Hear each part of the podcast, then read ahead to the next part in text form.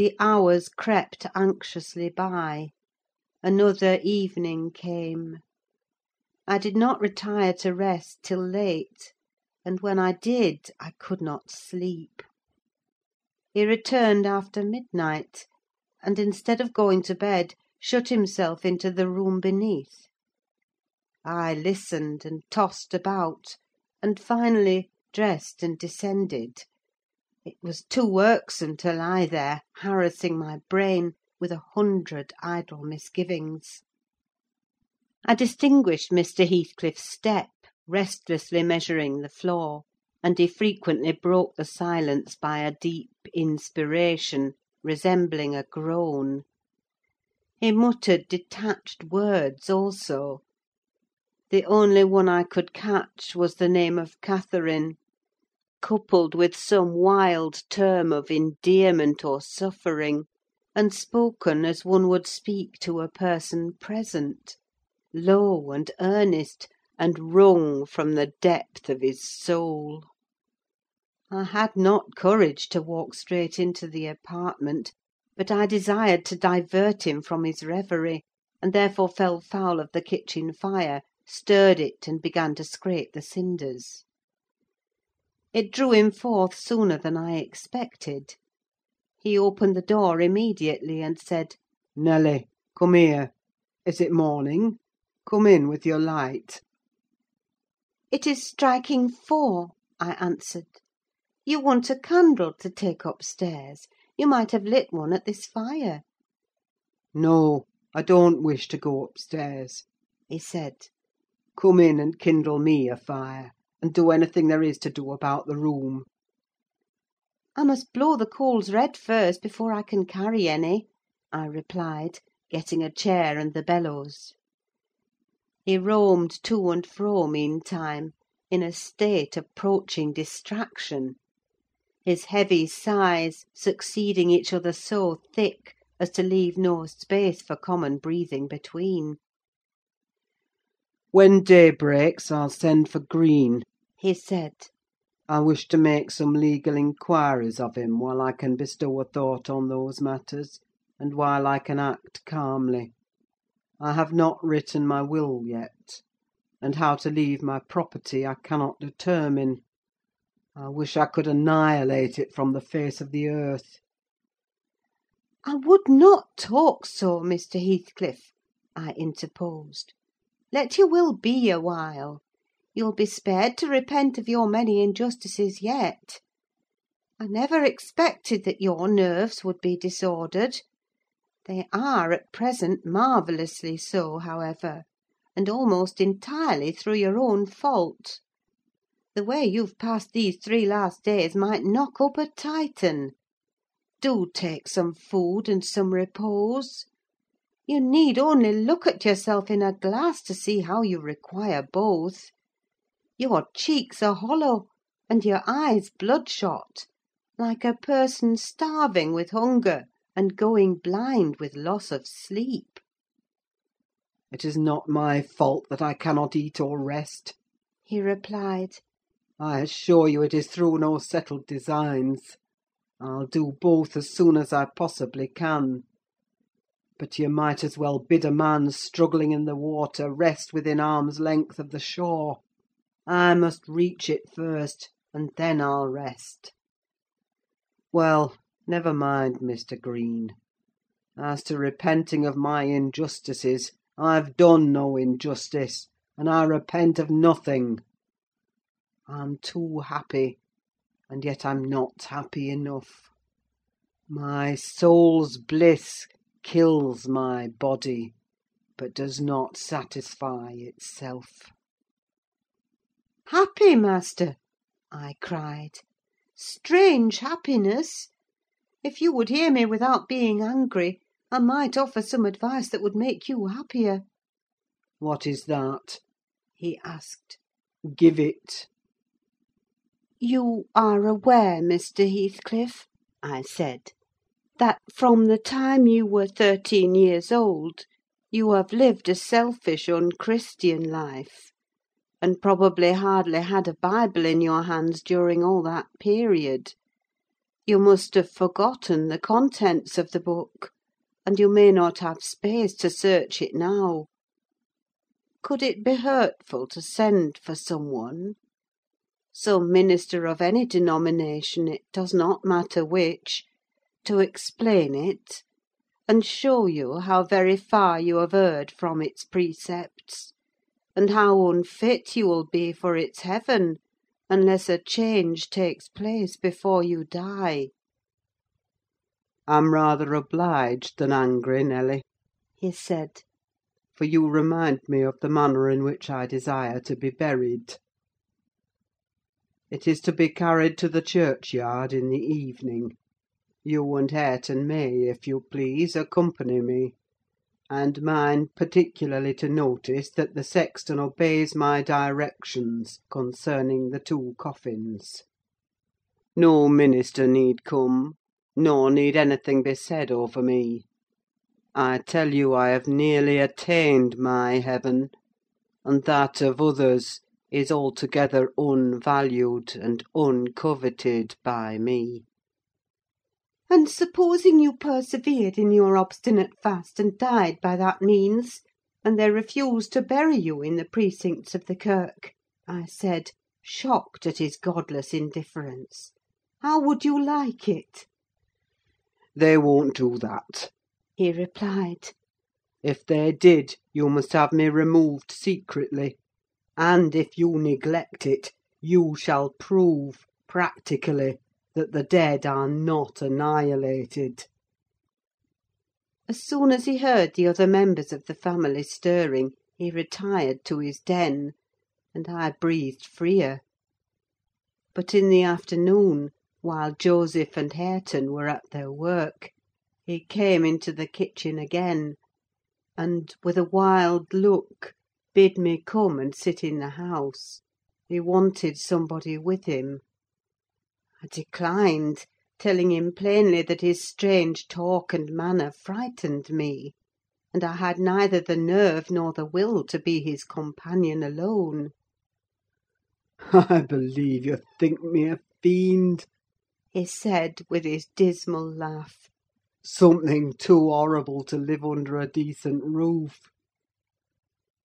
Then turning to Catherine, who was there, and who drew behind me at his approach, he added, half sneeringly, "Will you come, chuck? I'll not hurt you. No! to you I've made myself worse than the devil. Well, there is one who won't shrink from my company. By God, she's relentless! Oh, damn it! It's unutterably too much for flesh and blood to bear, even mine." He solicited the society of no one more. At dusk he went into his chamber. Through the whole night, and far into the morning, we heard him groaning and murmuring to himself. Hareton was anxious to enter, but I bid him fetch Mr. Kenneth and he should go in and see him. When he came, and I requested admittance and tried to open the door, I found it locked; and Heathcliff bid us be damned: he was better, and would be left alone; so the doctor went away.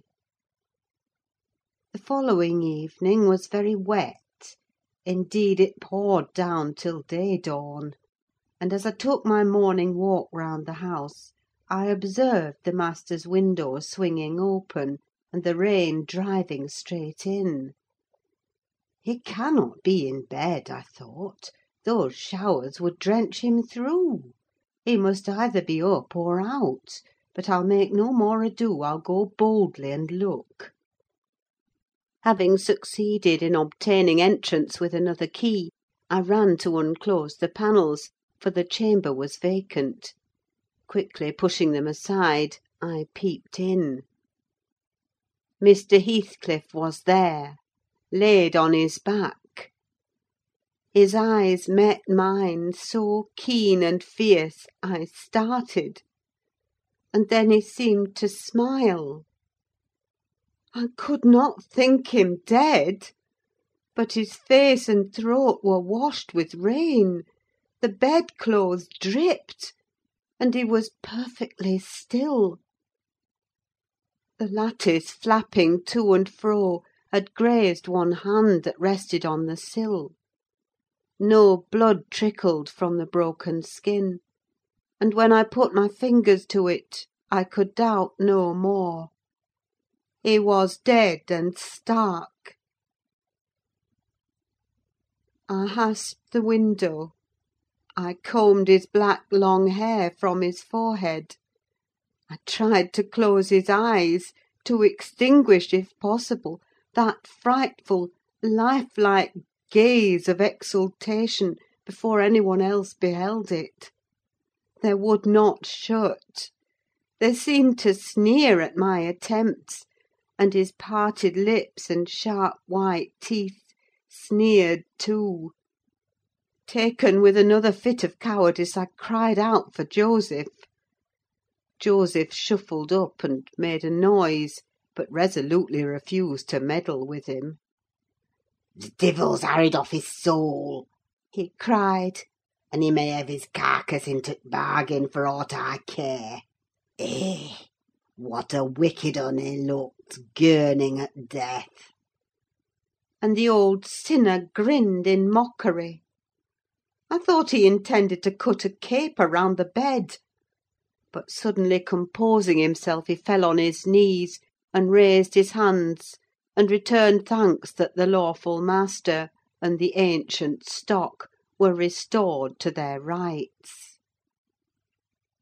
I felt stunned by the awful event, and my memory unavoidably recurred to former times with a sort of oppressive sadness.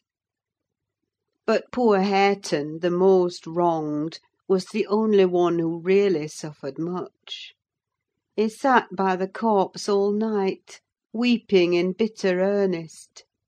He pressed its hand, and kissed the sarcastic, savage face that every one else shrank from contemplating; and bemoaned him with that strong grief which springs naturally from a generous heart, though it be as tough as tempered steel.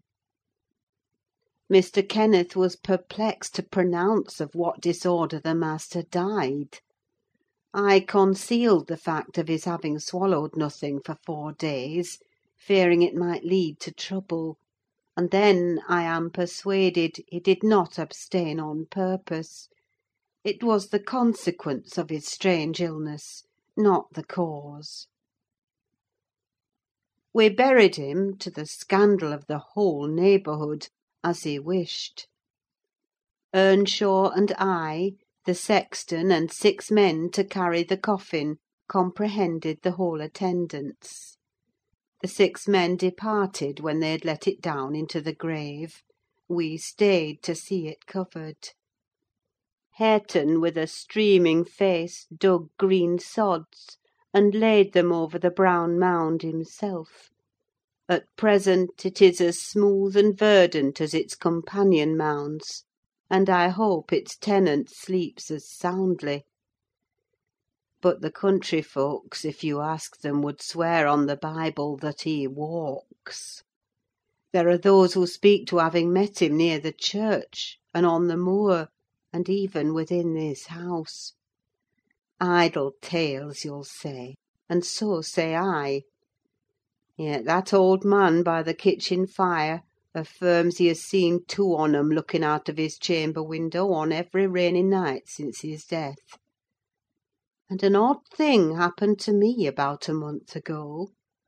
I was going to the Grange one evening, a dark evening threatening thunder, and just at the turn of the Heights I encountered a little boy with a sheep and two lambs before him.